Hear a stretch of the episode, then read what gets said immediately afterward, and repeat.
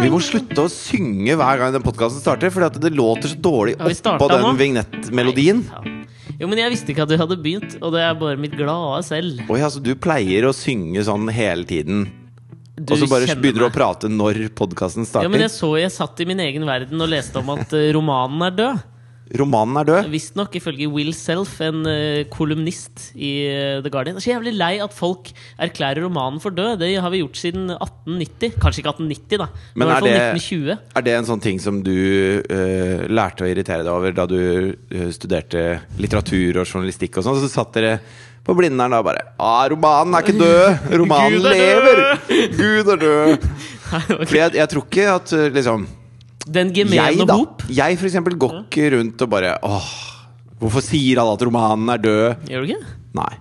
Nei, men jeg Men hva mener de med det? Altså, Fifty Shades of Grey og Game of Thrones-bøkene, og det er masse bøker som selger dødsbra. Harry Potter har solgt dritmye ja, det bøker. er et, eh, ja, det er, det- det er et snobberi, syns jeg, å si at romanen er død. Ja, skjønner du hva jeg snakker du om mener? den store amerikanske romanen? Sånn Don DeLillo, er det ja, der de er? da, Nei, jeg liksom? tror ikke, det. ja, det er nok det, da. Men eh, jeg, Eller tror, de? Du? Er det vi snakker om? nei, altså, jeg mener jo ikke at romanen er død i det hele tatt. Og Du mener den lever i beste Den velgående? lever i beste velgående med Ja. de eksemplene du gir, selv om det ikke nødvendigvis er høykvalitetslitteratur. da Ja, men Så det er for- øynene som ser. ja, Camilla Lekberg ville jo sikkert vært uenig. liksom Hun selger jo plentyvis av bøker. Ja, ja. Det gjør da også Jo Nesbø. romanen er Jo ikke død, Nesbø, Sør-Afrika. Altså På flyplassen i Sør-Afrika sto Jo Nesbø på nyheter. Toppliste, men- Å, liksom. ja. Nå trodde jeg så Der møtte jeg Jo Nesbø, og da hadde han også på seg de der brillene som han alltid går med, som er sånn oransje og veldig aerodynamiske. Hvorfor har han på de? Aldri skjønt hvorfor han går med de brillene. Han har en sånn sjelden øyesykdom. Hvilken da? Sjenerthet. Apropos sjeldne øyesykdommer. Jeg var Å ja, har du noe på det? Jeg har noe på det. Jeg var, eh, vi var jo på sånn tremånederskontroll med Asta. Ja. Jeg, altså, det, jeg, Har hun en sjelden øyesykdom? nei, hun har ikke grå stær. Eller Nei. grønn stær. Hvilken er det som er farlig? Grå stær. Hva er grønn stær, da? Er det det, er det det som kalles glaucoma, som du kan få da hasj på eh, resept for? Nå har du sett for mye på House. MD. Skal vi se hva jeg har sett Det er på? lupus. Nei, det er ikke lupus. Jeg Alt tror er det lupus på House. glaucoma. I got glaucoma. Har du ikke hørt det i amerikanske romcoms? Jeg har aldri hørt om grønn stær heller. Hva- Hvor er det du vil med sjelden øyesykdom? Ja, nei, men er det, det er en av de hvor du kan få marihuana på resept. At det hjelper mot enten grønn eller grå stær. Det er kreft det Det hjelper mot. hjelper jo ikke mot kreft! Jo, jo. Eh, Hjelper marihuana mot kreft? Nei, men det hjelper mot eh, bivirkningene av cellegift. Hva, hvilke bivirkninger da? At at du spyr hele tiden, og håret detter av, Du får- ja, men- og du har det generelt Du får helt heller forferdelig. the munchies enn, enn å spy, liksom? Og er ikke det litt bedre? Ja, det er jo ganske mye bedre, da. Å sitte og spise en pose potetgull mens du ser på TV, er bedre enn å ligge i senga og kaste opp Du har mens helt håret ditt detter ut. Du har helt rett. Ja. Men eh, jo, jeg, vi var på sånn tremånederskontroll med Asta her. Mitt barn, for de som ikke har hørt på denne podkasten noensinne, og gått glipp av mange timer med fantastisk underholdning. At ikke flere er har oppdaga og nyter denne podkasten egentlig, er meg et stort mysterium, et stort mysterium for meg. Er, det- er det et stort Ja, mysterium? jeg har lyst til å gi Dette er, denne podcasten er terningkast seks. Ok At ikke flere skjønner hvor bra dette er. Jo, men det er mange som hører på. Ja, det er faktisk det. Jeg har sett det blir stadig flere. Det er jo kjempekoselig. Ja. En, en community av folk. Før jeg da går Vi er, vid- altså, jeg kjenner altså, Når jeg får sånne mailer eh, via den podkastgreia med folk som er sånn Nå er jeg endelig à jour. Nå har jeg hørt alle. Ja, det er bra, ass! Vi er nå på podkast 89. Ja. Og de som nå har hørt alle, de tør jeg påstå kjenner meg bedre enn eh, mange av mine nære, kjære venner og mye familie. Ja. Det, og det, man skulle jo tro at det kanskje er litt sånn skummelt. Jeg tror det er en, s- en amerikansk sosiolog som het Ervin Grossmann eller noe sånt. Det, jeg tror han het det. Som har studert mye av det, der, det, det som han kalte feno- backstage-fenomenet. Med mye av sånne reality-shows og sånn, eh, hvor de avslører alt om seg sjøl. F.eks. Big Brother, hvor det blir eh, filmet liksom hele tiden. Ja. Eh, og grunnen til at mange av det mange av Men dem- avsløre alt? Altså, hva, hva legger man i det? Nei, men at du ikke ehm, At det han legger i det, er at når du da går, kommer ut fra huset Hater det i gåstegn. eh, Så er det sånn at eh, de sliter veldig i sosiale sammenhenger etterpå. Det. Man merker jo det kan ofte gå litt sånn gærent med eh, folk som har blitt, eh, fått en, en kjendisstatus ved å liksom avsløre alt, og med kort brenntid. Ja, vi har jo noen eksempler på det nå nylig. ja, ja, det- Altså, eh, Pet, eh, uten at det, dette skal ikke handle om Petter Northug. Nei. For alle snakker om Petter Northug hele tiden.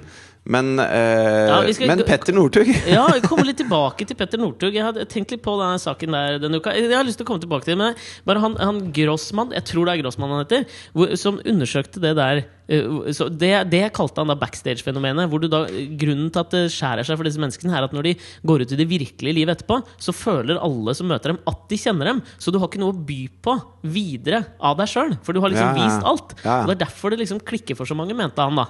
Og det, Men det er jo er kanskje jo- litt det som har skjedd i denne podkasten her. Jeg føler ikke at jeg har noe mer å gi i sosiale sammenhenger. Alle små anekdoter og morsomme ting jeg opplever, har da mine næreste hørt før. Jo, men jeg, da kan du bli en lytter. Alle elsker en lytter. Nei, Fy faen, jeg hater deg. Fy faen. Folk som sier at liksom sånn, eh, en av de viktigste egenskapene her i verden, det er å kunne lytte. Det er det, Det er jo helt sant. dummeste jeg har hørt. Det er Og det, det- letteste som fins! Det er jo bare å holde kjeft. Nei, for du må følge med også. Ja, ja og ha innimellom. Jeg slipper ofte unna med det, ass. Jo, men altså, alle, alle elsker å bli Å få den oppfatningen av at man er interessant.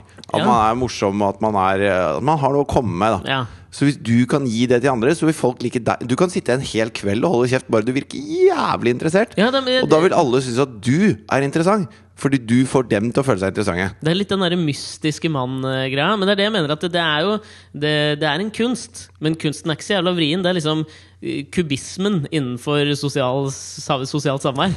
Bare noen sånne svære Jeg tror ikke du selv skjønner de der sammenhengene du drar av og til. Men det er jo en, det er en snodig ting, det der med når du får Altså, eh, Som TV-bransjen jo har eh, skodd seg på i 20 år. Skodd og snodig i samme setning, altså. Ja, skodd og snodig. Ja, Du sa kubistisk. Nerd. Men i hvert fall Hvis man setter en person foran et kamera, Ja. og alle sitter da og lytter. Mm. Altså lydmann, regi, kameramann, a- alle. Altså, men skal vi begynne å si sånn som du vet Det heter ikke flyvertinne, det heter flyvert. Flyvert. Steward. Skal man si Steward. eh, kameraperson, ja, jeg synes det. lydperson Lydperson. og regiperson. Ja. Ja, Står da og, og følger med på deg 100 Statsministerinne. Ja. Står og følger. Ja. Statsmini. altså, eh, og så Dalai Lama. Og da vil alle automatisk si ting som de ikke ville klart å si hvis det var tre eh, andre mennesker i en hvilken som helst annen setting der. Man, man føler at man på, på en eller annen måte er hos psykologen når det kameraet står der. ja. Når man er i det man på TV-språket kaller en synk-setting. eller en standup. Det som er så dumt med podkastmediet, er at de, når vi tar gåsetegn, Ja. så må man liksom eh, verbalisere gåsetegn. Og da er det jo standup. Det er da gåsetegnen. Ja. Altså den verbale, auditive gåsetegnene. Men tror du også det har noe å gjøre med at man føler et sånt leveringspress? Mm. Fordi liksom man, man får det kameraet retta mot seg, og så føler du at liksom, nå, nå må jeg by på noe. Det er en grunn til at de filmer meg. De skal ikke kaste bort verdifull megabyte-plass. Hva vet jeg faen jeg hva det heter? Jeg vet ikke, jeg er foran, jeg. Men, ja, men altså, det Jeg har opplevd det så mange ganger hvor eh, jeg har hatt regi på noen ting. Ok. Hvor du står og prater med noen, og så bare ja, men 'Kan du ikke fortelle om det?' Ja. Og så sier de sånn 'Nei, vet du hva, det, det, ja, det blir for mye, liksom. Det kan jeg ikke fortelle om.' Og så sier du 'Nei, ok'. Og så setter du dem foran kamera, og så, og så bare kommer det. Ja. Og det, og det er helt sjukt. Jeg merker det på meg sjøl også, at, det- at det- med denne podkasten Ja. Jeg sier ting, ganske mye ting som jeg ikke hadde planlagt å si. Ja, Som det er gjør jeg liksom eh, Åh, nei, det kan jeg ikke si. Å, der sa jeg det, gitt! Så Ja. Ok, da var vi ferdig med det. Bare gi meg en mikk, liksom, så leverer jeg. Er det det du prøver å si? jeg var på tre måneders kontroll med Ja. Asta her. Apropos da øyesykdommer. det. Det var der vi var. Ja. Og så Jeg har aldri hørt om grønn stær, for øvrig. Grønn stær! Drit nå i det. Ja. Fordi det er jo sånn at man må sjekke ungen sin på de jevne mellomrom, så blir man kalt inn. og informativt. Dere var på øyekontroll fordi det er sånn man må Ja, Vi var ikke sjekke på øyekontroll, vi var på tre måneders kontroll. tre måneders kontroll. det, det, og så er det sånn halvtårskontroll, tror jeg. Men Ja. uansett da, så fikk vi sånn henvisning til eh, fysioterapeut fordi hun var litt svak i nakken. eller et eller annet sånt. Ja. Så vi var hos Det er fys- merkelig. Det kommer fra den muskuløse faren. ja, det er rart med det. Tyre, Alex Tyrenakken i hagen, hvor det er jo kalt. Det sto på russelua mi, faktisk. Jo, Det gjorde jeg. Ja, Ja, ja. Tyrenakke. Vet du hva som sto på russelua mi? Det er ikke så langt unna. Nei. Biceps. Hæ? Det skjønner du kanskje hvorfor. Var det biceps? Nei, det var ikke biceps! Men eh, så var vi hos fysioterapeuten i går. Are. Utrolig trivelig fyr. Stor mann. Ja. Veldig, veldig høy.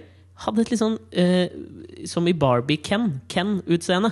Ok. Kjekk. Kjekkas. Kjekk. Stor, kjekk Bra mann. kropp, føler jeg. Ikke Brande, da, men Nei. eh, Adonis. Eh, Veldig. Husker du vi snakket om brede overkropper? Eller dype overkropper for noen podkaster siden? Brede og flate Joel Kinnemans brede, flate overkropp. Ja, han hadde, men han hadde den dype òg. Han var liksom dypt Hva? Dypt eh, muskuløs, skjønner du? Kjekk. Jeg tenkte med en gang kjekk. Ja. Eh, Så så jeg litt nedover kroppen, så hadde han liksom Fy faen! ja, men han Du hadde stor... kommer inn med din, din bitte, bitte lille datter Ja. til øyelegen. Nei, han Nei, var Eh, nei, ja, fysioterapeut! fysioterapeuten. Ja. Og så, og så syns du han er så stor og kjekk, og så, og så neste setning der Så ser jeg litt nedover kroppen hans. Jo, men han hadde en sånn stor kukeaura. Ja. Skjønner du? Svære hender. Men og så- får du det eh, Fordi at det, eh, jeg kan også se at noen har en stor kukaura, og noen har en ikke så stor kukaura. Men det ser man jo på ansiktet deres. ja, absolutt. I ansiktet hans. Stor kukeaura. Men så kan jo dette adderes på. Ikke sant? Så Hvis du ansiktet er liksom sånn Ok, over gjennomsnittet bred, liksom. Og så ser du på henda. Oi, over gjennomsnittet lang. Og så kommer du ned til føttene. Og så hadde han eh, eh, Og dette var jo på en måte det som ødela litt det der Adonis-bildet av han da Det var at han hadde sokker nedi sandaler. Og det er liksom turnoff, tenker jeg, da. Ikke det at jeg på en måte vurderte Veldig han sånn. vanlig fys Det er veldig fysioterapeutsk. Veld- Pøytsk. eh, Veldig fysioterapeutisk eh, måte å kle seg på. Ja, det må jeg si. Men det liksom ødela ikke noe. Men så så jeg liksom beina, og det var, der, det var Han leverte varene, tenker jeg, da, hjemme. Ok. På hjemmebane. Ok. Men eh, da sto jeg liksom rett foran han. Da jeg hilste på han og liksom i- tok inn denne eh, Adonisen i fysioterapiverdenen. Ja. Eh, og jeg tenkte sånn Ok, bang, terningkast seks mannemessig. og så, og så Med din datter eh, på armen og din, din kjære ved din side, så tenker du da Hm, stor kuk på fysioterapeuten Ja. til dattera mi. Ja, det er definitivt. Men hvis du hadde sett Are, så hadde du skjønt hva jeg mente. Det er Ok. umulig å ikke tenke det. Det sto det på russelua hans, for å si det Der sånn. sto det Kukken. Han het bare Kukken. Ja. da. Kølla. Are Kølla. ja. Ba- Are Balltre. Bare pikk... Nei, ja, men uansett, da. Men så kommer vi da inn, og så skal han gjøre, liksom, gjøre en del sånne tester med oss. Da legger han det på en sånn vanlig benk som er på sykehus og alt mulig sånn, hvor du bretter over sånn papir og sånn, ikke sant? Ja. Og da står han jo på en måte bøyd over henne. Så står Mario og jeg på hver vår side, sånn at han snur seg til hver side for å prate med oss. ja. Og første gang han liksom snur seg til meg, så skjønner jeg ikke en dritt. da Fordi da har han da tydeligvis en eller annen sånn øyegreie som gjør at han ser ikke på deg når han prater med deg. Nå viser jo jeg det til deg. Ja, Sånn men han et- skjeler på en måte? Ja, men han skjeler liksom ikke heller. For ett øye står sånn halvveis igjen, og så det andre går helt sånn helt ut i kanten. Så første gang han prater til meg, så skjønner jeg ikke at han prater til meg. Jeg tror han står og ser etter noe. det Så er som jeg de følger kamer, ikke med. for, for, eh, På 24 med Jack Bauer, Ja. eller Keefer, Kiefer Sutherland, Sutherland, som han heter. Så Det var første gang jeg så de der kameraene som, på sånn, eh, en slags sånn bøyelig stang. Sånn at du kunne snu det kameraet og så se Var rundt det første hjørnet. gang du så det? Ja, Det er jo lenge siden det kom, da. Ja, ok, men det, jeg føler at det er jo den, det speilgreiene som han alltid brukte sånn før i tida. Et slags periskop, da. Ja, Ja. Eller, eller det. Eller det. eller det. Speilgreier heter det jo. Senk speilgreiene på ubåten! Men han hadde litt sånn periskopøyne. Ja, Hvem hadde det? Å ja, Are! ja. Balltre! Skal ikke Nå følge med ser videre. jeg for meg et sånt balltre med sånn periskop. Ja, men han hadde liksom sånne øyne, og det lurer jeg jo også på. Altså, sånn, hvordan skal man forholde seg til det? Jeg brukte jo hele timen, jeg fikk jo ikke med meg noen, for han ga oss en del øvelser da som vi skulle gjøre med Asta for å styrke nakken og for å teste litt, for hun har fått en favorittside. Fy faen, blitt. Blitt han. Eh, så vi må liksom ordne litt på det og sånn. Men jeg, jeg, jeg klarer nå, for the life of me, ikke å huske noe av det. For jeg, jeg var så konsentrert på å liksom finne et eller annet sånn fokuspunkt i trynet hans. Var det sånn at du moonwalka litt til siden bare for å liksom Ja, komme men jeg- inn i fokus? Ja, jeg prøvde liksom å flytte litt på hodet sånn samtidig, men det gikk jo ikke. Altså, tenkte jeg jeg kan ikke fokusere på liksom kølla hans, fordi den her har så aura at den trekker og sånn graviterer liksom synet mot seg. Så jeg prøvde, jeg jobba så hardt, jeg fikk ikke med meg en dritt. Han hadde en øyesykdom. Ok Tror du han røyker hasj Nei. for å bli kvitt Nei, øyensykdommen jeg tror sin? han hadde en lite hasjpott-aura. Føler du at du har en stor kukkaura? Nei, men det er derfor jeg Altså, jeg, jeg tror jeg har en, vel- altså, eh, Ikke i det he- Eller jeg tror jeg har en sånn derre ø, under gjennomsnittet lang, over gjennomsnittet bred-aura. Skjønner du? Og så overrasker jeg, da. ikke sant? Det er jo bedre, ikke sant? Det verste er jo å ha stor kukaura og liten kukk. Du er ikke periskop, du er teleskop. Teleskopaura har jeg. Velkommen til Alex og Fridtjofs podkast.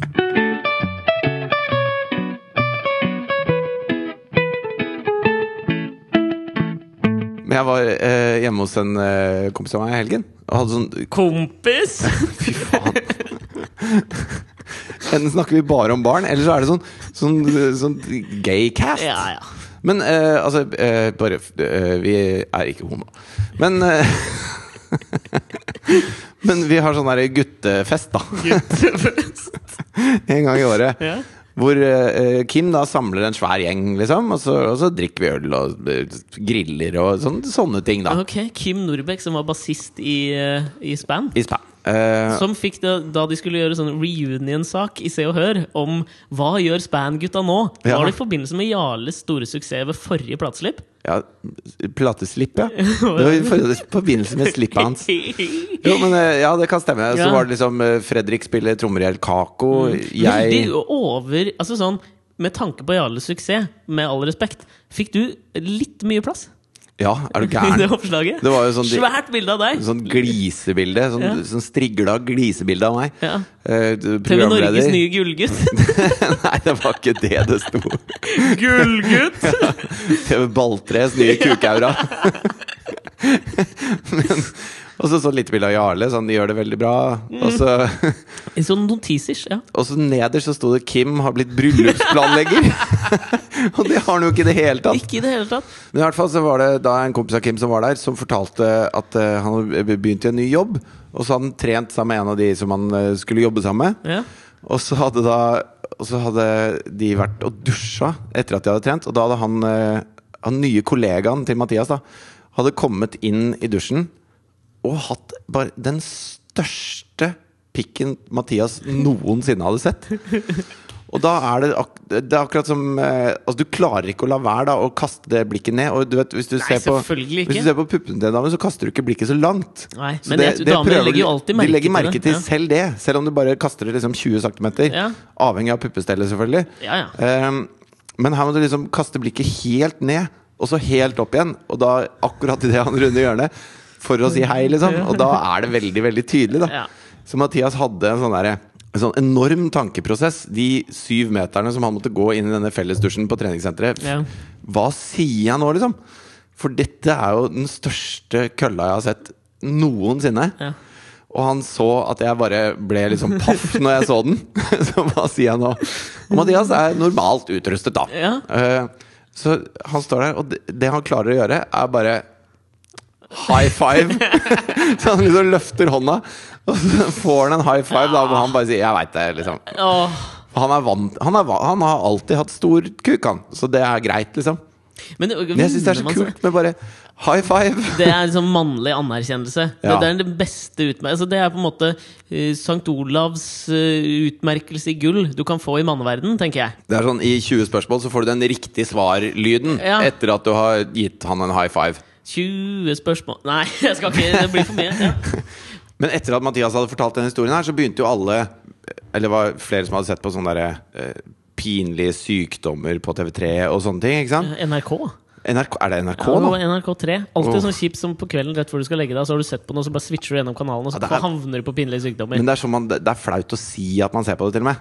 Ja! Det er en, eller annen- det er en Det er noe litt fetisj, fælt med liksom. det. Det er litt ekkelt. Ja. Men i hvert fall så hadde det vært en eh, Jeg vet, jeg vet ikke om det var pinlige sykdommer, men det var en av dem som hadde sett på et program hvor det var en guttegjeng Mhm. som da, for å så- for å så finne ut av dette med penislengde, da så hadde de stilt opp og fått da penisen målt i både helt slapp og helt erigert tilstand. Ja, Av hverandre. Hvem målte? Nei, altså eh, p- TV-programmet. En, Å ja. eh, Te- ja. en stor Adonis, eh, Jeg skjønner. sjelende Adonis av en fysioterapeut, målte da dette Du i vil ikke at sandaler. han Are skal måle penisen din? Altså, da kan du plutselig komme en tomme short. Men Som i hvert om jeg fall- måler i tommer. Og det de fant ut der, da, det var jo selvfølgelig at, eh, at selv om den var veldig stor når den var sånn eh, slapp, Det vokser mindre, da. så vokser den mye mindre. Så, så eh, altså sluttproduktet det, det, du, det du b- faktisk bruker, da, er tilnærmelsesvis ganske likt. Um, Tilnærmelsesvis, sier du? Er det et ord? ja, er det det er kanskje ikke det. Og jeg føler jo litt at det er en sånn ting som, eh, som eh, eh, Som det- damer ikke skjønner, er det det? Nei, dette er et program som er laget av mennesker som trenger å, å Booste selv. Og liksom så, Ja, men har de så stor Ja. kølle eg- Nei, jeg er så liten, egentlig.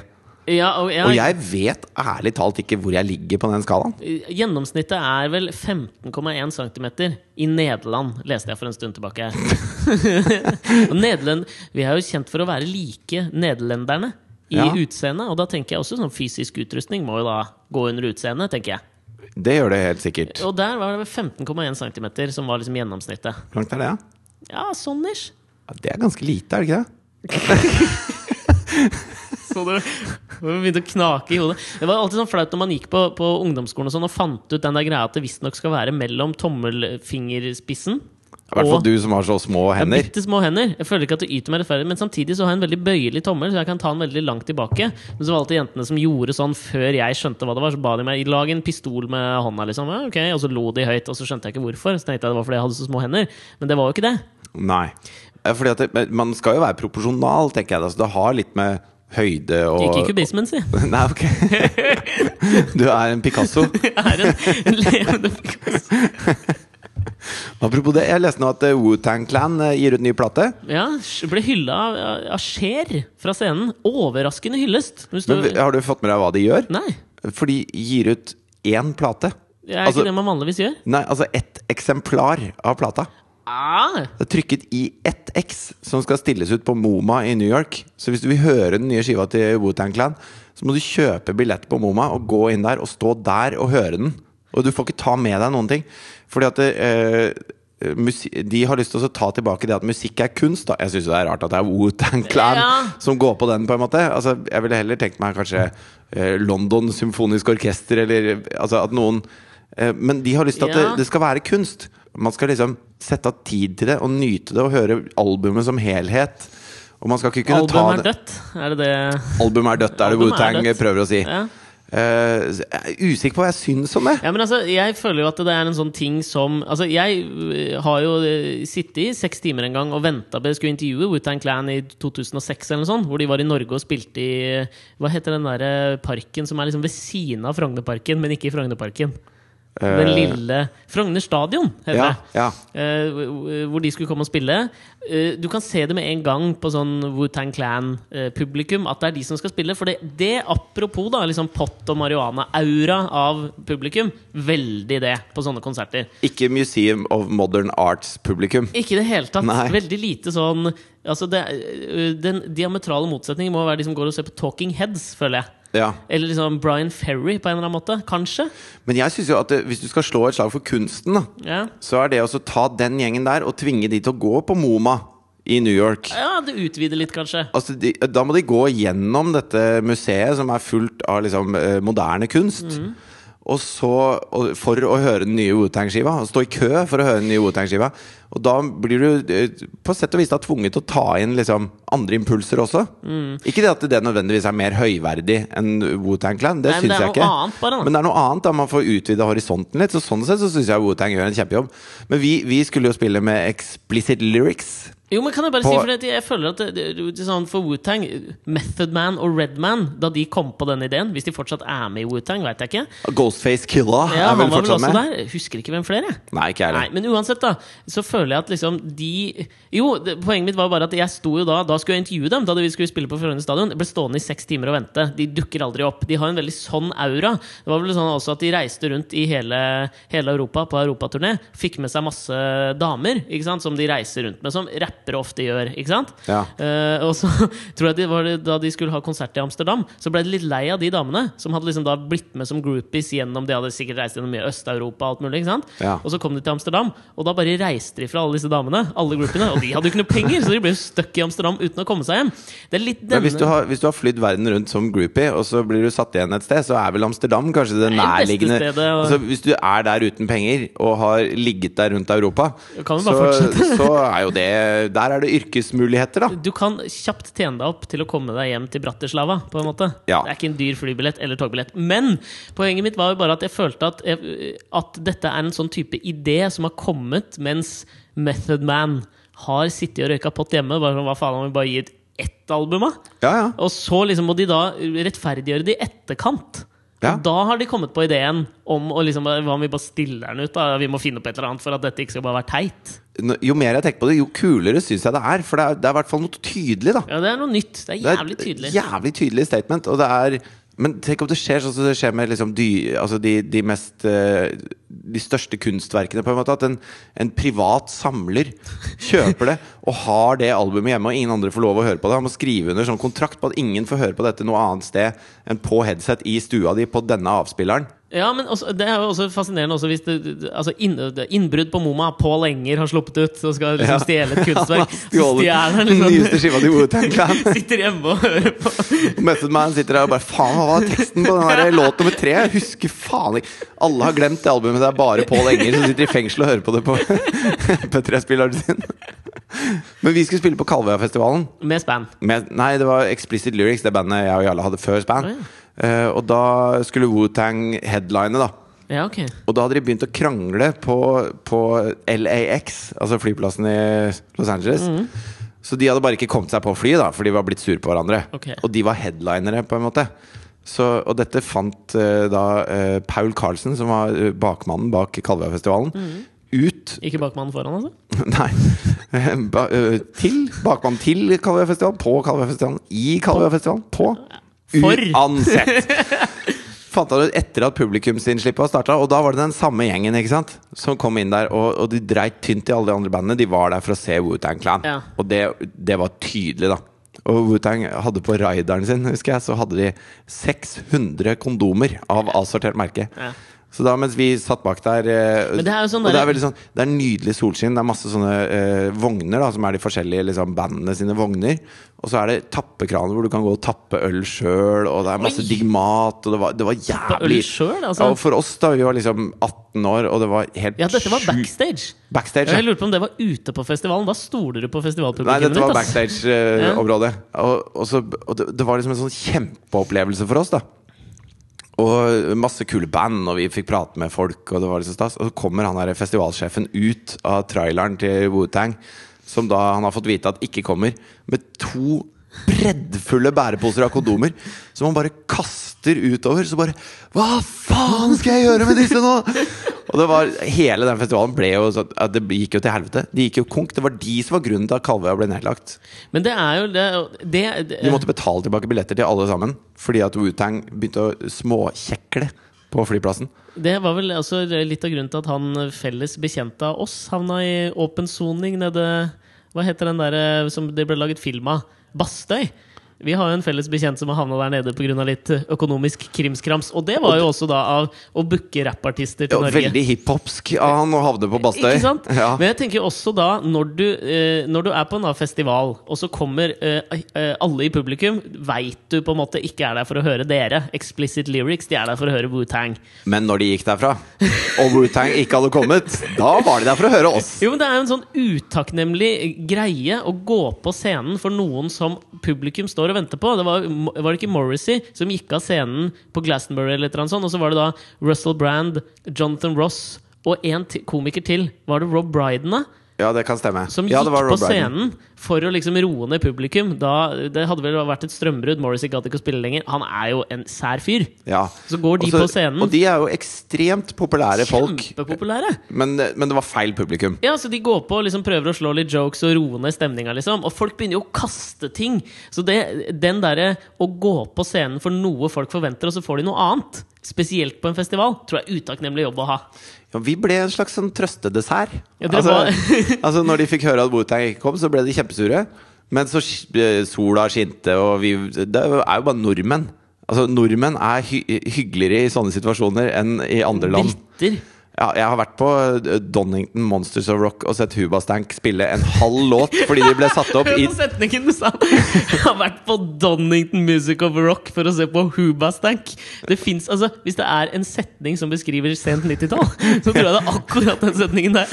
Vi spilte i Carlingteltet, men så skulle Slayer spille i et telt som tar 15 000 mennesker. Og så ble Slayer flytta til hovedscenen, Ja. og det hadde ikke publikum fått beskjed om, så det sto 15 000 Slayer-fans der, og så kommer Hubastank på. Hva het den låta de hadde igjen? Den Eh, kjente? Cause the reason is Ja, you. Jarling eh, i den låta, eller? Ja, det var litt Jarlin, men det det var, det var jo fremfor alt en sånn power ballad Åh.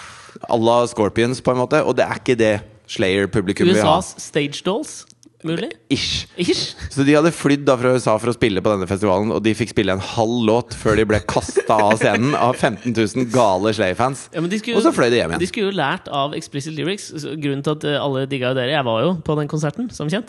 Og det var jo at dere kjøpte jo sånne kanoner, og så skjøt dere da 600 kondomer utover publikum! Det er jo populært, da. Etter å ha blåst dem opp.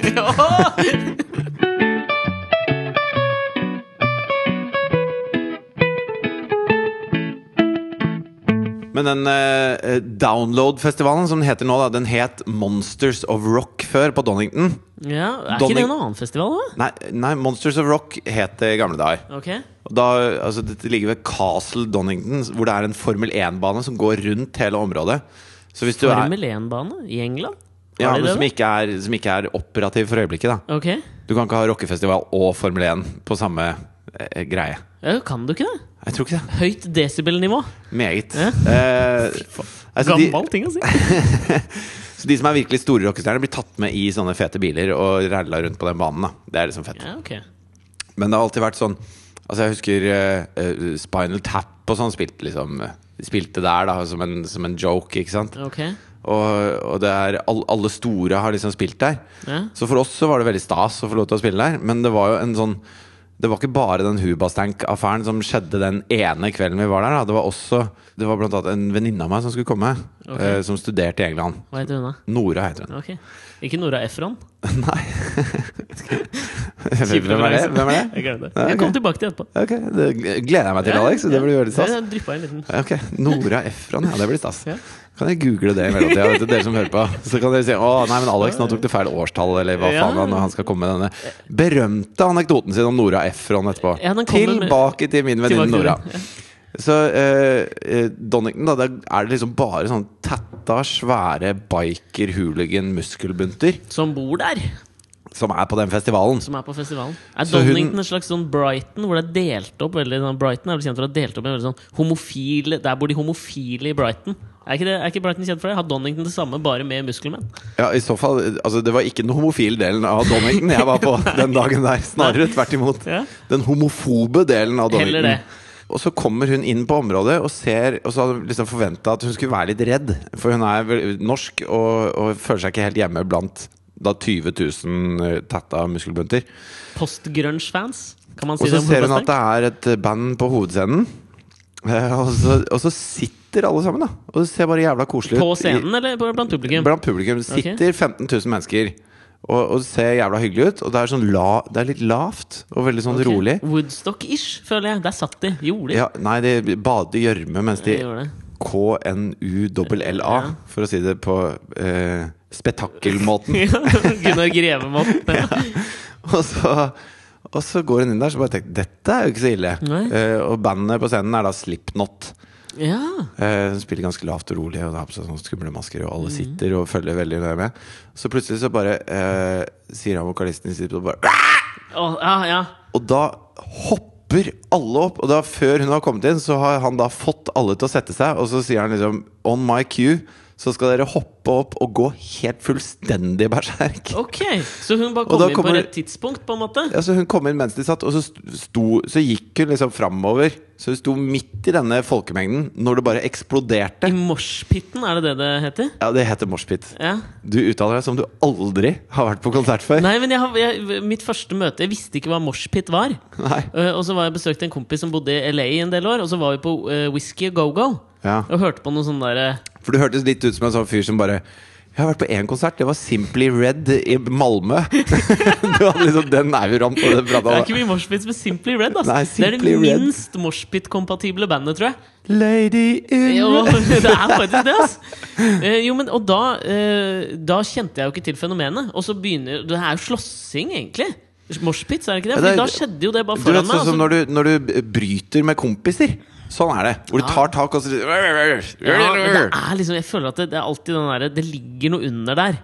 Det derre hatet ligger under der. Så du Nei, liksom, nei, nei. Det er veldig koselig. Det er kjempegøy. Nei, Mener du det, eller? For jeg havna jo eh, litt på samme måte som da din venninne Nora. Ja. Oppi det på Whisky Go-Go. Og det er jo en veldig liten bar, egentlig. Ja. Har- Du har vært der, eller? Ja, jeg har spilt Ligger på der. The Strip. Har du spilt der? Jeg har spilt der, ja. Ganske kul bar. Legendarisk. Sagnomsust Altså The, Ja. the Dorth. The Dorth, Jo- spilte det. Gjorde jo Ja. sin, liksom, stor, sitt store gjennombrudd der. Ja, den, den er liksom kanskje Skal vi si LAs svar på CBGBs? Kan vi Ja, si det? men, men du har også Troubadour, Troubadour, Troubadour, ja, ikke som også, sant? Det er to store der, da. Og så hadde vel, hadde vel Viper Room òg, ganske kjent. Eh, Ja, eid men av det kom Johnny litt Depp. Det seinere. Kom litt senere. Kom litt senere. Eh, Men jo, jeg var der, og så skulle vi se på noen konsert, Fordi da spilte han kompisen min i band. Og så var det han trommisen i det bandet skulle spille der, så fikk vi komme inn. Og det var liksom litt stas. Da, så vi sto liksom helt foran den lille, lille scenen som er der. Og ble så skuffa når det ikke var Simply Red som kom på. Og så kommer det noe annet enn Lady Red. Mick Hucknall var bytta ut. Men, eh, nei, og så begynner dette her. Og jeg trodde jo bare det var slåsskamp, så jeg liksom ble stående og liksom sånn bare gikk litt til side. Men så den utvider seg jo, moshpiten. ja, for det er jo gøy. Jeg ble så redd! Hadde jeg liksom tatt på meg for å skli, altså, for å gli inn der, så hadde jeg på meg sorte Converse og sort skjorte. Passa ikke inn, ikke sant? Nei, nei. Og hadde litt sånn, fortsatt litt sånn solbleika hår, brun og deilig. Og hadde du sånn hår som var bleika i tuppene? Ja, Nei, ikke at jeg hadde bleika det, At du det har var litt mørkt sånn hår, men, solbleika. men lyse tupper Gamsten, ytterst? liksom. Det var ikke det. Altså. Nei, men hvor- jeg, skjønte, jeg skjønner ikke liksom motivasjonen for det. Ja, men det er å utagere det du hører, da, på en måte. Men for Altså, en destruktiv eh, musikkform, da. destruktiv, nei. Altså, det er jo mange som altså, be- Det er jo mange ting man gjør eh, som gir eh, nytelse som er utagerende. Ja, hva da?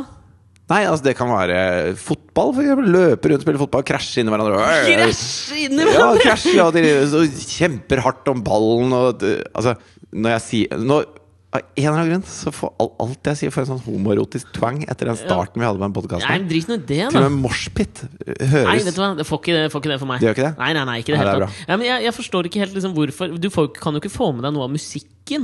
Jo, det spiller jo relativt høyt, da, Jo, på men du sånne må jo ha festivaler. fokus, tenker jeg da, på å ikke liksom havne b- i bånn av den moshpiten. Kanskje det er det som er forskjellen på, på de som liker moshpit og ikke moshpit. At det, Mm. For de som liker moshpit, så er det så musikken eh, Altså det er lyden og følelsen av musikken. Mens du eh, vil helst ha en storskjerm. Jo, men det handler om høyde, ikke om Det er jo bare fordi at det er blitt vanlig for meg. Jeg ser aldri over I en folk. moshpit er vi alle korte. Det er ingen som ser. Det er en sånn demokratisk måte å høre på musikk på, egentlig. Ja, ok, jeg skjønner, skjønner greia. Og hvis At det- noen tryner- musikken blir hvis mer en noen tryner- følelse enn en, eh, enn en liksom en auditiv greie. Ja, du kommer ut av helt gjennomsvett og har vært med på en, en jævla opplevelse. Men får du ikke liksom sånn Det, det var jo alltid da du lekeslåss med Nå er det ikke kompiser. lov lenger. Er det ikke? Nei, altså etter den der, eh, katastrofale Pearl Jam-konserten på Roskilde, så Ja. ble det jo satt opp masse sperringer og alt mulig sånn. Og hvis, hvis det er noe Hva som som skjedde blir der? da? Var det noen som døde? ja, Altså, Det var så mye press bakfra. Ja. Eh, og så var det jo ikke noe sted å Altså, det tar jo 80 000-90 000 mennesker på oransje CD på, Ro- på Roskilde. Rao Skelde. Ja. Det er Nå skal, vanskelig. jeg, nå skal jeg bare fortelle om noen som døde, Ja, Alex. triste, triste greier, altså. Så det er mulig jeg sa et ord feil, Ja. men det får du tåle. Jeg kan ikke slippe unna med det, si. Eh, så det var jo det var jo litt sånn krise, for de som var bak, eh, skjønte jo ikke hva som skjedde foran. Nei. Eh, og de som var foran, hadde jo ikke noe sted å, å bevege seg. Så de ble rett og slett most og tråkka ned. Aldri likt Pearl Jam noe særlig. Last Kiss, den låta, den er fin. Eh, Utover det, mm, Eddie Vedder eh. Digger Pearl Jam. ass. Men jo, det jeg skulle si, var altså sånn for å, I moshpittens dramaturgi så avsluttes den jo på et tidspunkt, ikke sant? Og da, hvis du skal overføre det da til den der eh, som du mener at det er den der koseslåssinga du gjorde Det er en som- slags morsstafett, på en måte. Altså, du stopper mellom hver låt, og så er ja, det ja. sånn «Oi», og Men så- husker du ikke da du Eller i hvert fall, dette var for min del da, da jeg lekeslåss med kompiser da jeg var litt yngre. Jeg gjør ikke det så mye lenger nå. Men så var det altså sånn Selv om man var ferdig, Ja. så var det, det var en liten sånn det, Altså, jeg var litt mer forbanna på Thomas, som jeg slåss mye med da jeg var liten. Da vi var ferdig. Vi var ikke liksom helt venner igjen. Jeg fikk jo juling av Stian Blipp jeg, hjemme hos deg. Ja, det gjorde du Husker du det, ikke. eller? Ja, du fikk det jo jævlig juling òg. Han var jævlig sterk. Sterk fyr. Ja, Jeg liker jo bare sånne koseslåss litt, jeg. Ja, han tok det ganske alvorlig. Jeg har et Ja. bilde hvor dere, liksom- han ligger og holder deg i en sånn headlock. Hvor jeg har en sånn lett eh, purpurfarge Ja, i og ansiktet. man ler jo, men du blir litt irritert. Nei, jeg blir ikke irritert. Jeg gjør du ikke det, men tror du ikke mange av disse her blir sånn Du går ikke ut av det med en- bare en følelse av katarsis, at nå er jeg ferdig med slåssinga? Jo, for du ser at hvis noen tryner da i en sånn moshpit, Ja. så stopper alle rundt med en gang, gir plass og hjelper opp. Og det er, det er en hyggelig affære, liksom. Det er en ballett. Ja, det er, det er en, en hardcore Det er ballett. Svanesjøen 2014-versjon, ikke sånn pinglete Henrik Wibskov-kostymer som er på Det er operaen nå. rugbykamp. Nei, det er rugbytrening. Det er ikke rugbykamp, hvis du skjønner. Du er sammen med kompiser, og så, og så trener dere. Og det er litt bulking og litt krasjing, men det er bare kos. Det er ikke en sånn fyr, ass. Nei, du er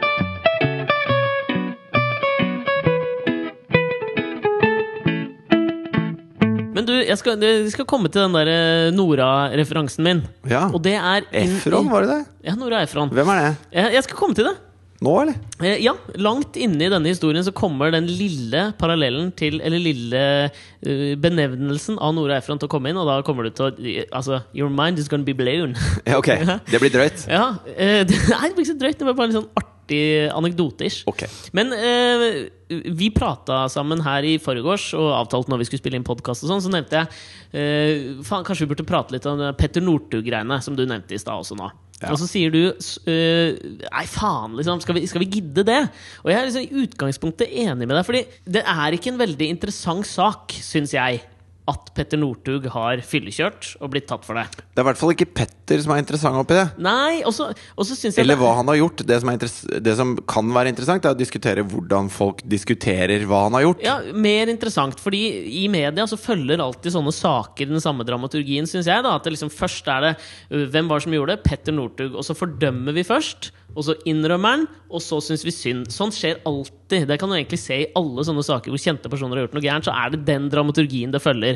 Så I Quisling sitt eh, tilfelle, da, så er vi fortsatt i fase én, eller? Ja, vi er nok i fase én Det er der, men fase vel to, liksom- fase to. Jo, men den er liksom litt Vi mer er i sånn fordømmer alvorlig. Jo, men Altså, nå Dette er tenker jeg også mer på sånn- alvorlig. Ja, men altså, den er ikke, den er ikke eh, drepe seks millioner jøder alvorlig, liksom. Hvis seks millioner jøder hadde vært på klassetur ved rundkjøringa der hvor Petter Northug kom dritings inn, så hadde Petter Northug drept seks millioner jøder. Han hadde det. Det blir jo mer en eh, slags eh, et tenkt Hypotetisk. scenario. hypotetisk Men scenario. hele greia er et hypotetisk scenario når man sier at det er et mordvåpen han kjører. Ja, ja, ja, ikke sant? Så da er, det jo et, så da er ikke mitt scenario noe dårligere, syns jeg, enn de Kunne andre godt være- hypotetiske. Det kunne vært en skoleklasse på seks millioner jøder. Stor skole. Enorm skole. Ja. Mhm. Public. Måtte jo vært. Men det som jeg har eh, Mye Torah-kunnskap går tapt i den der bilturen der. Ja, tenkte med en gang Tora Berger. Vet ikke hvorfor. Men jeg syns Det det er ikke så rart etter Petter Northug.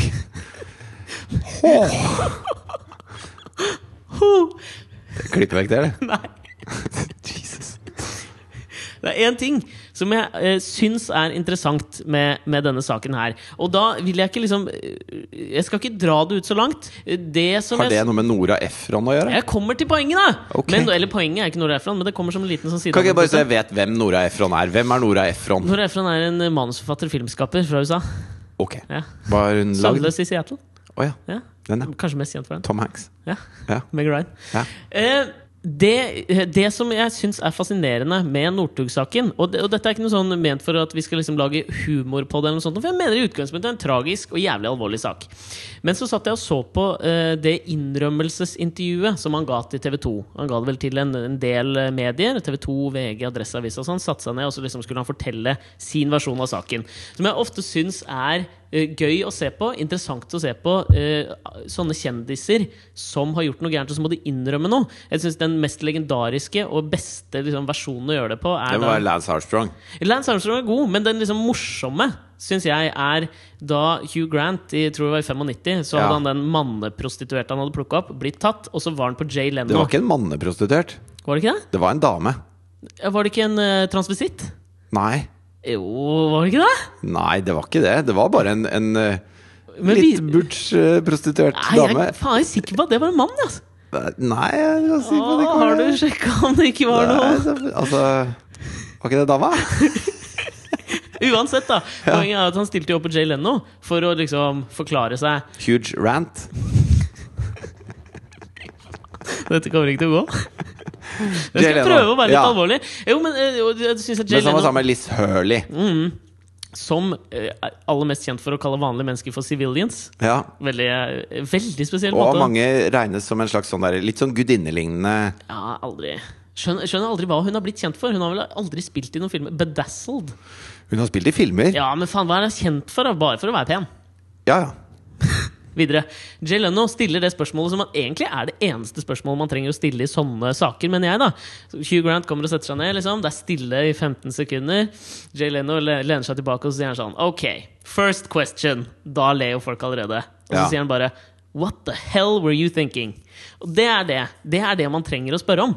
Tenker jeg da Hvor Hugh Grant gir en sånn ganske god forklaring. Liksom. Det fins dårlige ting å gjøre, og det fins bra ting å gjøre. Dette var en dårlig ting, det skjønner jeg. Folk gjør feil. Så satt jeg og så på intervjuet med Northug på TV 2. Og der var det liksom én ting som jeg syntes var interessant. Tror du Hugh Grant kunne sagt det Tror du Liss når hun bare 'What the hell were you thinking?' Og han bare 'Hør nå her. Fins gode ting, dårlige ting. Det der var en dårlig ting.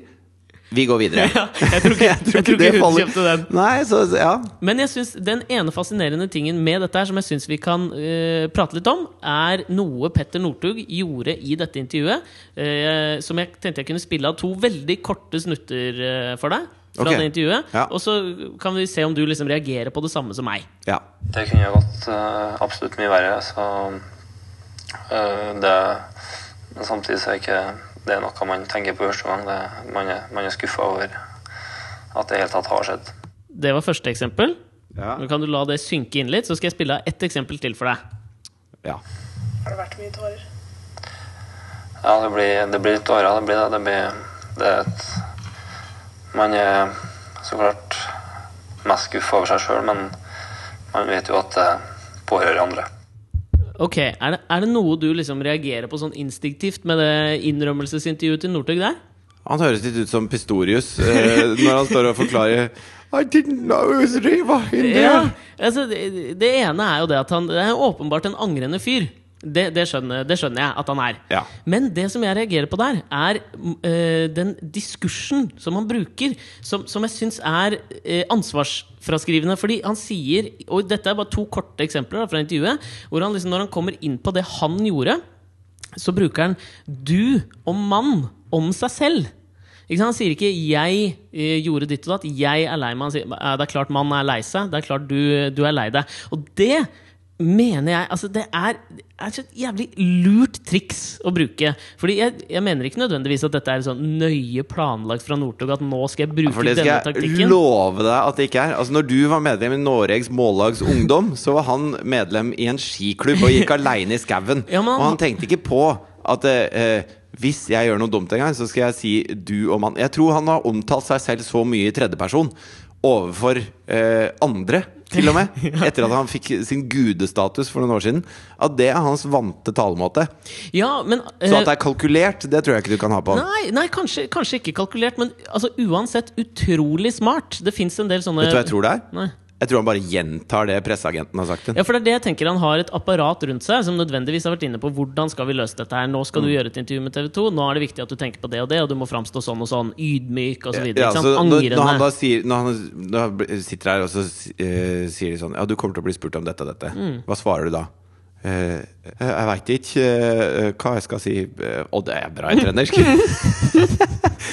og, så, og så kommer da Nordnorsk. den eh, presseetiske talsmannen for Toppidrettssenteret. han, ja. han, ja. Så sier han eh, Nei, altså det som er vanlig er jo at man eh, gjør sånn og sånn, og du var sikkert bla, bla, bla. Og så har han bare satt på rekord, liksom. Northug. Sånn at når han da blir stilt disse spørsmålene, så sier han bare ordrett det som ble fortalt til han Han er en slags båndopptaker. Ja. Det han kan, er å skøyte veldig fort på ski. ja, men samtidig altså, Det er fascinerende hva det liksom gjør med deg når du hører på intervjuet. Fordi eh, jeg leste Det, det fins en del sånne kjente bøker som bruker et sånn u, eh, uvanlig virkemiddel som er å skrive i, eh, i andreperson. At en skriver liksom du som hovedperson. Vanligvis så er det liksom jeg-fortellinger. Eller han. Eller han eh, Nei, altså han eller eller f.eks. navnet på personen. da Tredjeperson på en Ja. eller annen måte. Ja. Og det er det vanligste i denne døde romansjangeren. Ikke sant? Men så fins det eksempler på liksom kjente romaner som bruker du. Ja. En, som, en som er veldig kjent, er Bright Lights Big City av en fyr som heter Jay McInerney, som ble en veldig kjent film på 80-tallet med Michael J. Fox i hovedrollen. Veldig kjent som skriver i U-form. Og grunnen til at de gjør det, er jo at du får en mye mer sånn personlig knytt du blir mye mer personlig knytta til historien, og du føler at det kunne skjedd deg. Og det vekker liksom Ja, for det, følelser i det deg. henvender seg Altså, du sier jo at det, dette gjelder Dette alle, gjelder deg. på en måte. Ja, Så du personifiserer deg sjøl gjennom alle, på en måte. Og det er, det, det er et, et, en genistrek av Petter Northug, det han sitter og gjør der. da Fordi eh, du tenker at det dreier seg om deg også, når han ikke sier 'æ'. Og spesielt ikke på trøndersk, men den harde, kon- harde vokalen 'æ', liksom. Ja. Det er ut, utrolig smart, og jævlig utspekulert, mener jeg, da. Men Og, tror du virkelig at han har den mentale kapasiteten? Nei, jeg tror ikke til det. å gjøre dette Men her. jeg tror du har et poeng med at de rundt han har nok det. Ja. Og eh, den, den eh, Jeg hadde jo lyst til å dø- Her kommer da Nora Efron-analogien. min. Fordi jeg tenkte på dette her at veldig ofte så, så lager man liksom sånn um, Altså XXX-gate etter da eh, Når store ting skjer. Ikke sant? Så vi kan kalle dette her Northug-gate. Blir ofte brukt Ja, ja, i media. etter Watergate. Parafrasering Watergate. Hva heter Watergate? Nixon. svær skandale i starten av 70-tallet i USA. Hvor han eh, eh, Altså det var jo, Watergate var jo et kompleks hvor Det demokratiske partiet hadde hovedkvarterene sine. Ja, og så ble de spionert på, og det ble funnet ut at det ble masse Der skjedde det mye juks og fanteri. Ja, De satte jo opp eh, altså det, de, det var vel noe Var det folk som- Iran-Contras? Hadde det noe med det å gjøre? Nei, nei, det var jo Nei, det var FBI. Reagan, det. Det var FBI og CIA som ble ta, altså Det var jo f- fem stykker eller noe sånt som var inne for å sette opp eh, avlyt, avlyttingsutstyr og liksom skjulte kameraer inne i kontorene til Det demokratiske partiet for å spionere på dem. Ja. Eh, og så ble de tatt på fersken, og så brukte de jo liksom masse år på å finne ut hvem det var, og så viste det seg til slutt at det var Nixon. Ja. Her kommer Nora-analogien din. Ok. Fordi det var jo da to journalister fra Washington Post, Bob Woodward og en som het Bernstein. Ja. Nydelig portrettert av Woodward and Bernstein. Ja. De har jeg hørt om. Robert Redford og Dustin Hoffman spilte i Alle presidentens menn. Ja. Fantastisk film. Ja. Som avslørte dette til slutt, da, i Washington Post, som fikk Nixon til å gå av. Eh, Woodward eller Bernstein var gift med Nora Ephron! Mens han jobba med det. Så da- altså hele denne Northug-greia har du hatt for å vise det? Ja, og Ok. kom på det, da! Så. Fett, ass. Men her Lang, langt et ekteskap, Nei, eller? skilte seg rett etterpå. Skilte seg i 83, tipper jeg. Ok. Det var jo en kort, liten greie. Ja, kort liten greie. Men poenget mitt der var Like langt som anekdoten din i denne podkasten om det. Omtrent. Men eh, jo, poenget mitt der var jo at jeg syns der kunne Northug hatt litt å lære av. Fordi jeg mener jo at eh, Hugh Grant gjør det riktige. Han sier liksom 'jeg dreit meg ut'. Og eh, redaktøren til da Woodward og Bernstein Jeg tror han het Ben Bradley, som var redaktør i Washington Post på den tida. Da fikk de jo um, Grunnen til at de endelig klarte å knekke denne saken da, og spore den tilbake til Nixon, var jo ved hjelp av den der legendariske kilden Deep Throat, som Ja. aldri sto fram, som var anonym. Bare Woodward og Bernstein visste hvem dette var. Hun ga jo ut ni filmer, da. Artig. Artig. Det viste seg senere at dette var en FBI-fyr, tror jeg. Ja. Eh, Men da måtte da eh, redaktør Bradley, Ben Bradley, eh, tror jeg, stole på disse to gutta. Vi har en sikker kilde på det. La oss kjøre storyen, liksom. Men det som er, det som er veldig eh, merkelig, da eh, oppi, Hvis vi går over på Watergate eller bitte lite grann, Ja. det var jo at når dette her eh, eksploderte, Da. så Ja, men det har eksplodert flere ganger. så så eh, går jo Nixon da ut, og så sier han at han trekker seg. Ja. Han Mm. forstår at man ikke kan ha en president man ikke kan stole på, så han trekker seg. Ja. Den 74? Snowden ja. 74, tror jeg det var. Ja, det kan godt stemme. Eh, og dette er ikke så lenge siden. Og da sitter hele USA og ser sin president gråtende tre si opp jobben. Ja, ja. Noe som i dag ville vært helt fullstendig utenkelig. At Mm. Jeg Bush husker det der eller bildet. Obama eller et eller annet som skulle sagt opp jobben fordi at eh, de ble tatt i en, en feil, liksom. Men litt snusk. Og så si- Nixon sitter også med han, eh, Det, det fins på YouTube, vi kan sikkert legge det ut på Facebook-sida vår. Han sitter med ekstremt mange En tjukk papirbunke. Ja. Og så leser han jo opp sin avtredelsestale, eller hva det heter. da Og det jeg alltid har reagert på, er at han blar så ofte i arka, så han må jo ha skrevet en enormt stor skrift i tilfelle han skulle begynne å grine, tenker jeg. Ja, kanskje, eller kanskje det bare betyr mye for han At han trengte liksom noen fete typer for å si dette her. Mange, Det er en tjukk bunke papir, og han sier ikke så forbanna mye, liksom. Nei, Det minner meg om da jeg eh, var programleder sammen med Turi Birkeland, og Carola skulle synge på Birkeland. Sentrum Scene. Ja. Fanga da en stormvind for kanskje 10-12 år siden. Ja. Hvor Carola ikke kunne teksten på 'Fanga da en stormvind'. Noe som jo er patetisk nok i seg sjøl. Ja. Og da måtte vi skrive altså den teksten på enorme sånn derre eh, to ganger én meter eh, papplater Ja. og stå ved lydbua. Og da måtte vi skrive med så store bokstaver, da, sånn at hun kunne se det fra scenen. Så det var jo sånn 40 sånne papplater med teksten på 'Fanga da en stormvind'. Subterranean Homesick Blues-videoen, er det den til Bob Dylan, hvor han står og tar av alle de der eh, papirarkene hele tiden? Det er litt sånn. Tilbake til dette med eh, Watergate? Det, ja, det jeg skulle si, var at eh, Watergate er jo en enorm ting i amerikansk histor nyere historie. Det felte et presidentskap, og det skapte en mistillit til hele det styrende systemet. Men i forhold til hva som ble avslørt, så er det bare småplukk i forhold til hva som ble avslørt gjennom den Snowden-affæren nå. Snowden, ja. Og det har jo ikke toucha Barack Obama i det hele tatt. Det toucher jo bare eh, f- folk rundt han, og selv da er det eh, majoriteten ser da på Snowden som en eh, forræder. Ikke som den informasjonen om at eh, de bare ljuger huet av seg, Ja. alle disse menneskene som er valgt inn to office. Altså, Woodward og Bernstein får en stor, flott Hollywood-film som, liksom, som en slags hyllest, medskrevet av legendariske Nora Ephron. Men Snowden, får jo faen sitter fast ikke på asyl. flyplassen i Moskva, Ja, ikke liksom. sant? Og bare eh, eh, Det det har skjedd noe, da. Altså, eh, ordskiftet har forandret seg, og, Mm. og, og de som de som røper ting som ikke skal røpes, de som røper hemmeligheter til folks ve og vel, Ja. de respekteres ikke lenger. Nei, og, det, og, da, og da for å bare ta liksom avslutningen i det som jeg tenkte om Northug, da, er jo at eh, han Ben Bradley, redaktøren deres, når de liksom skal ta avgjørelsen på om de skal publisere denne saken som potensielt kan felle en president, så sier jo han da et legendarisk sida- sitat også som brukes i den filmen 'Alle presidentens menn', så sier han jo da 'We stand by our story'. Og det mener jeg at liksom der har Northug noe å lære. Istedenfor å si 'mann' og 'du', du blir jo klart redd. Bare stå for det du har gjort. Liksom Stå for historien din. Du har driti deg ut. Det vil si, jeg har driti meg ut. Jeg hadde fått så mye mer respekt Ja, ja, ja. for han da, liksom. Og jeg er litt mer sånn pragmatisk på hele den Northug-greia. For det som diskuteres, er liksom kan han være på landslaget? S- eh, Skal man kunne tilgi? Mm. Eh, altså, det er masse, masse ting da som, eh, som diskuteres rundt dette her. Og eh, altså, han, han gjorde noe. Mm. Det har han innrømt, det har han gjort. Han stakk i tillegg av. Mm. Det er ikke en formildende omstendighet. eh, i noe sånt, fordi at idet du smeller inn i autovernet, så skjønner du alvoret av det du holder på med. Ja. Og da, da blir du der. Ja. Og så tar du den t- vinden, da. Du kom, come what may. Men, men eh, jeg syns at vi forherliger idrettsutøvere til et punkt som er litt sånn usunt. Mm. Fordi at det de gjør, er å gå fort på ski. altså, eh, når det er VM, så ser man hvem som går fortest på ski. Det er det man gjør. Ja. Og Norge har lyst til at vi skal fostre opp det mennesket som går fortest på ski.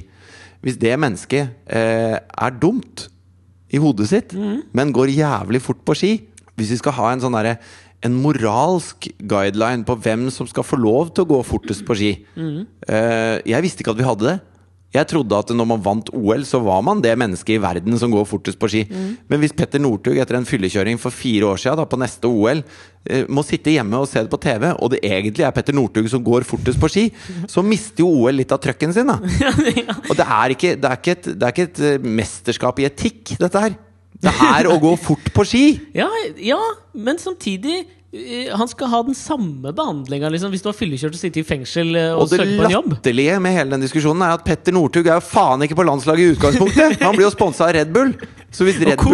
Bull, Red Bull og Coop har lyst til å betale han til neste OL, så er jo ikke det noe vi trenger å diskutere på Facebook, noen av oss! For helvete! Nei, jeg er enig.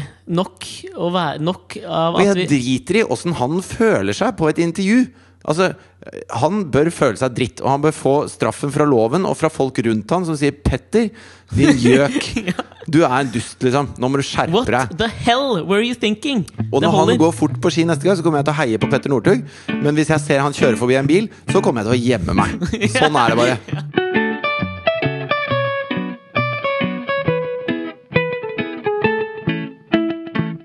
Det som er mye mer interessant Nok. etisk dilemma Ja, men nok at vi er altså, liksom, vi, vi skal, Jeg er enig med deg at vi skal liksom være litt forsiktige med å være mainstream-medias forlengede arm og sitte og prate om det som da andre leverer premissene på. Det er det jeg syns gjør denne podkasten så forpult jævla unik og bra. ass. Faen, Det er, det, er så, det er en blanding av Altså, jeg er jo med på denne podkasten her, sammen med Ja. deg. Sammen med deg. Og, og det er på en måte veldig deilig å høre deg sitte og skryte oss opp i skyene. Ja. Men det er en sånn eh, bittersøt eh, smak. Selvskryt er velskryt. Er Jeg det- gjør det er med det- en er det- ironisk distanse. Ja, du sitter med to store sånne Jeg gjør det. Det håper jeg folk standup-gåsetegn ved siden av. Ja, ja. Jeg gjør jo ikke det. Fy faen, det er bra den podcasten her. Men altså, ehm, jeg har bare lyst til å, å si- Siden dette er min, min kanal utover nå, ja. så kan jeg bare få si for en jævla blåfrossen fitte vi har som statsminister, da. Og jeg, er du inne i Dalai Lama-land, eller? Ja, ja, det er jo en forlenget Dalai Lama-ting, dette her med at man skal avstå fra å gratulere nobelprisvinnere i tilfelle fornærmer eh, det undertrykkende landet. Mm. Altså i tilfelle fornærmer despoten, som vi har lyst til å, å gå i butikken til. Ja.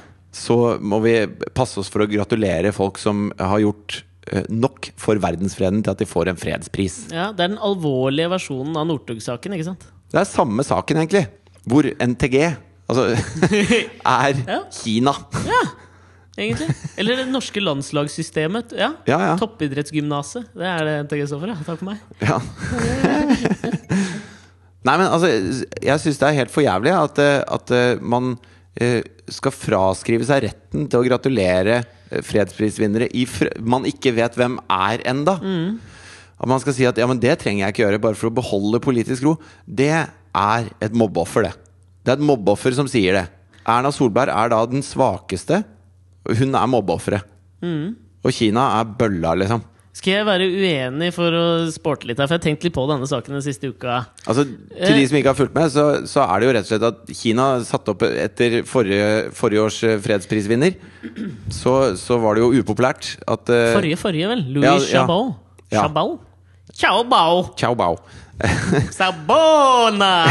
han, han, altså det var jo hans arbeid mot den kines, det kinesiske systemet som ble belønnet her. Da. Det at han turte å stå opp mot eh, denne komplette tystheten som de møter der nede. Ja. Og så var det litt sånn Det gikk ut, litt utover norsk eh, næringsliv og sånne ting, for Kina kom med litt represalier. Eh, og én ting er at det deles ut fra Norge, men når da den norske regjeringen sitter her, så mener da Kina at det blir en politisk pris. Eh, mens jeg mener jo at eh, alt, alt er politisk i, et sånn, i en sånn sammenheng. Hvis, du, hvis folk driver og bryter menneskerettighetene, og, og man har motstandskjempere som ofrer liv og lemmer for å, for å stå opp mot det, eh, så kan man ikke bare si at det, eh, det er en apolitisk ting. Selvfølgelig er det politisk, og hvis folk later som det er apolitisk, så er det bare tull. Ja, det men det blir litt sånn herre ehm, Dalai Lama, sikkert en flott fyr, det, altså. Men vi må roe litt ned på den heltedyrkingen av Dalai Lama også. Når han liksom sitter i Latvia, eller hvor faen han var, og sier Jo, men at det igjen, ikke det var et er ikke det det politisk dreier seg om. besøk. Akkurat som Nei, med nei, Petter Northug. men- ja, ja. Så det dreier seg ikke om Petter Northugs omdømme, denne saken her. Ja, jeg Det er dreier helt seg om at han enig. fyllekjørte, han går fort på ski, og de tingene har ikke forandra seg. Ja, nei, men- Uansett omdømme. Ja, ja det, nå mener jeg at forsvarerne av Dalai, Dalai Lama må bare roe seg ned litt. Han er en religiøs leder som jeg i utgangspunktet da, som alle andre religiøse ledere, har en sunn skepsis til. Selv om- Buddhist, eller? Ja. Det er jo mye sånn buddhistiske eh, munkebander eh, bander som banker opp eh, kristne nå. Ja. Det, det er helt sånn ny ting for meg i nyhetene. Jeg føler at det Bare er det buddhist- minst kompa- Buddhistiske Jeg tror det munker heter har buddhist. eh, Buddhist! er du buddhist? Det er noe veldig lite zen over å banke opp folk. Ja. For meg så er det like far-fetched som at en nonne skal vinne X Games. Ja, Eller en nonne skal vinne X-Faktor. Irriterende òg. Sett en nonne som driver og f- Å, se, en nonne som synger! Skal vi bli overraska over det igjen? Ja, bare fordi hun har vært på standard og kjøpt seg en kjole, så skal vi være helt Ja, men det, det, det, Poenget mitt er at hvis eh, fors, fors, De høye forsvarerne av Dala- Dalai Lama har jeg fullstendig liksom, jeg, jeg, jeg ser den sida. Samtidig så må vi liksom roe ned på at denne fyren er så jævla spesiell. Han er bare en ki, kis i en faen kilt. Han er en kis i kilt. Ja. Og samtidig, hvis du vrir dette litt om, Han da er ingen av de delene. er nesten en, en zen-kilt. Nei, det er, nei, det er mer en sånn eh, en dude i en onepiece. ja, kanskje. En dude i en En annen da. tele- en teletubby fra Tibet. Ja. Men hvis du ser dette fra Kinas side, så det rasjonelle for Kina her er jo å fordømme eh, alle som tar imot eh, Dalai Lama. Det forstår jeg, ut ifra hvordan Kina tenker. Vi kan ikke bli overraska. Altså, jeg blir så over overraska over de som blir overraska av at Kina sier 'ikke ta imot denne fyren her'. Hvis dere møter han, da kutter vi alle bånd til Telenor og OneCall. Jo, men Kina er jo enigmatisk at best. Ja, Altså, de er, eh, de er en, en kommunistisk stat som er kanskje de mest knallharde kapitalistene på planeten. Mm. Og det i seg selv er jo en, en form for motsetning, da. Ja. Så man kan jo forestille seg, i og med at de har det kapitalistiske bakbeinet For det er jo den kommunistiske delen som skal ha alle under ett, på en måte. Som skal ha vekk eh, Dalai Lama. Ja. Mens den kapitalistiske delen eh, trenger Tibet eh, mye pga. naturressurser og sånn. Mm. Men de trenger også et, et godt handelsforhold med alle mulige land.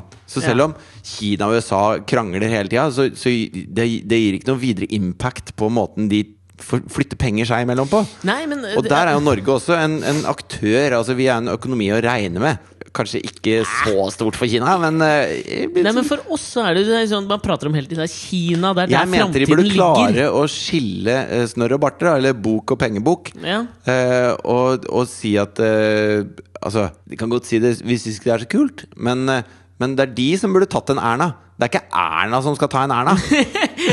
Nei, Det- men Poenget mitt er jo bare at jeg skjønner jo Kina. Jeg, jeg forstår det jo fullstendig. Og det er jo sånn ehm, Kina det prates jo hele tiden om Kina Jo, men jeg er skjønner jo- jeg framtidens skjønner jo- marked. jeg og hvis skjønner du jo har lyst til å Erna se også. på Ja, det er derfor jeg Erna er jo skjønner bare Erna. redd. Ja, men det er selvfølgelig. det er jo dårlig for en Kina. leder å stå fram som redd. Ja, men redd og redd. Altså, du, fø- det Hun det er jo sies, redd. er at du, vi gjør knefall for Kina. Ja, jeg forstår jo det. Det er jo der liksom, Vi kommer til å tjene masse masse penger på å være kompis på godfot med Kina i framtiden. Det, er liksom, det snakkes hele tiden om at det er det nye markedet. Det kommer til å vokse ut der. Hvis du treffer Kina, liksom, i samme hvilken bransje du er i, da er du sett. Jeg tror ikke vi Altså, I 2024 så snakker vi ikke om at Nico og Vince er på niendeplass på det amerikanske iTunes. Da tror jeg vi snakker om at de er på det kinesiske iTunes, hvis det eksisterer. Jo, men jeg Så mener hvis vi skal være litt at menneskerettigheter langtidstenkende- er som dagligvarer. ja. Altså For ti år siden, hvis du var hypp på ruccolasalat, så Ja. kunne du ikke gå inn på Kiwi. Nei. For de hadde ikke ruccola da. Nei. Så hvis alle- Rucula? Vet da faen! ruccola? Ruccola? Nei, ruccola. Rucula, tipper jeg. Ok. da måtte du gå på andre butikker og kjøpe det. Ja. Eh, Men så etter hvert så var det nok folk som gikk inn og spurte etter denne salaten på Kiwi, så da begynte de å ha den, da. Og, og litt samme greia eh, er det med menneskerettigheter. At du kan, du kan Altså Hvis du ikke går der og sier hele tiden at 'dette er ikke greit', 'dette er ikke greit', dette er ikke greit Hvis vi skal handle med deg, så må det være greit.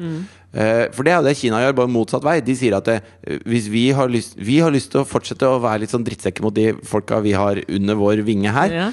Eh, og det må, ikke- du får ikke lov å s- dit, dit, Hold munnen din! Ja. Eh, Men her har du noe billig dritt som du kan kjøpe av oss. Det er det Kina sier. Ja.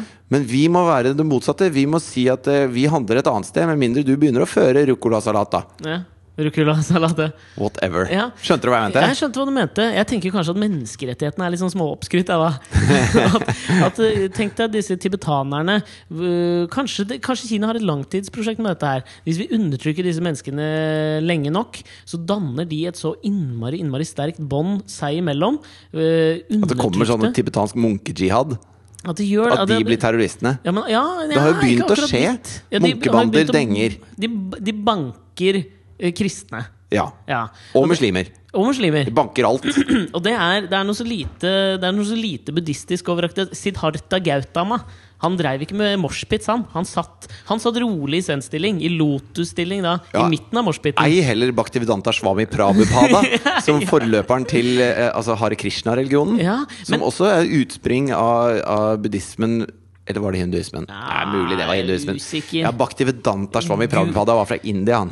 Ja, og der er det ikke Nei, det var var blå. jo hinduismen. Han var blå, han, ja. Han var blå. Ok Jeg tenker bare at skal vi, vi kan ta så Kanskje gi Kina the Er det benefit eh, of the doubt Bhagavad-gita, i Bhagavad Gita at det står om eh, Bhaktivedanta? Nei, det veit jeg ikke. Det var tungtvisteren, det. Jo, nei, men Kanskje vi skal bare roe ned litt på dette her menneskerettighetsmaset til Kina nå. Jeg tror jeg tror på dette selv. Kanskje vi klarer å skape da en så sammenfletta nasjonalstat innenfor Tibet gjennom denne undertrykkinga at de til slutt Altså Det er litt som du gir barna dine en streng oppdragelse for å få dem eh, som gode, velfungerende voksne personer. Kanskje Tibet bare er på dette barnestadiet i trassalderen at vi trenger Kina som en slags eh, en, en slags, Foreldrefigur? ja, en slags nasjonenes foreldrefigur. Litt som Sørlandet trengte Danmark for å lære å prate. Ja. Jeg tror ikke på det sjøl engang.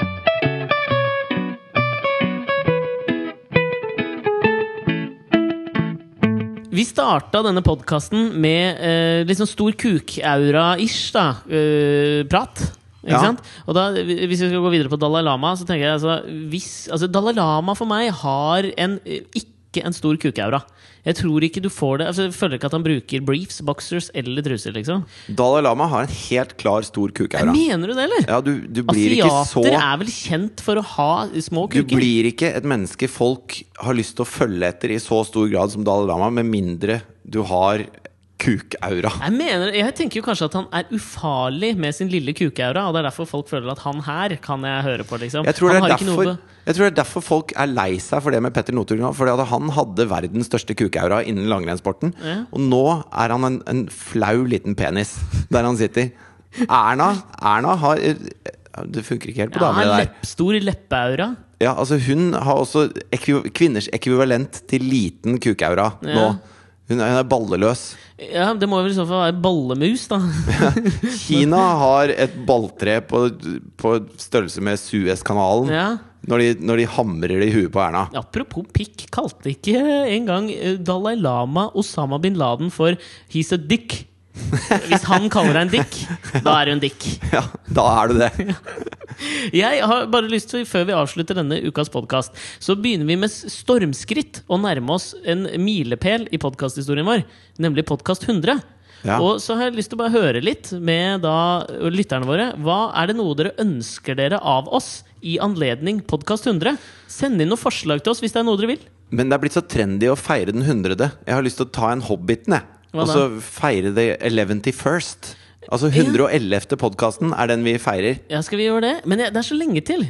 Ja, når vi feirer den 100 da. Ja, kan vi ikke det det? vi feirer litt når det Ja, er 111. det kan vi også gjøre. Men Ja. kan, altså, alle dere som hører på, kan ikke dere sende inn noen forslag til hva vi skal gjøre? For det hadde vært hyggelig å gjøre noe litt spesielt i anledning den 100. podkasten. Vi har lyst til å sette av mye tid. Ja. Bruke tid på den podkasten. Ja, for det gjør vi vanligvis ikke. Det er Å jo såpass da, ærlig skal vi er være. mye, mye, mye tid.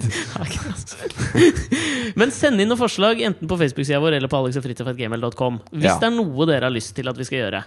Og i mellomtiden ha det! Ha det. Isn't it awfully nice to have a penis? Isn't it frightfully good to have a dong? It's swell to have a stiffy, it's divine to own a dick. From the tiniest little tadger to the world's biggest prick. So three cheers for your Willie or John Thomas. Hooray for your one-eyed trouser snake. Your piece of pork, your wife's best friend, your pussy or your cock. You can wrap it up in ribbons, you can slip it in your sock. But don't take it out in public or they will stick you in the dock. And you won't a come a back. Yeah, thank you very much.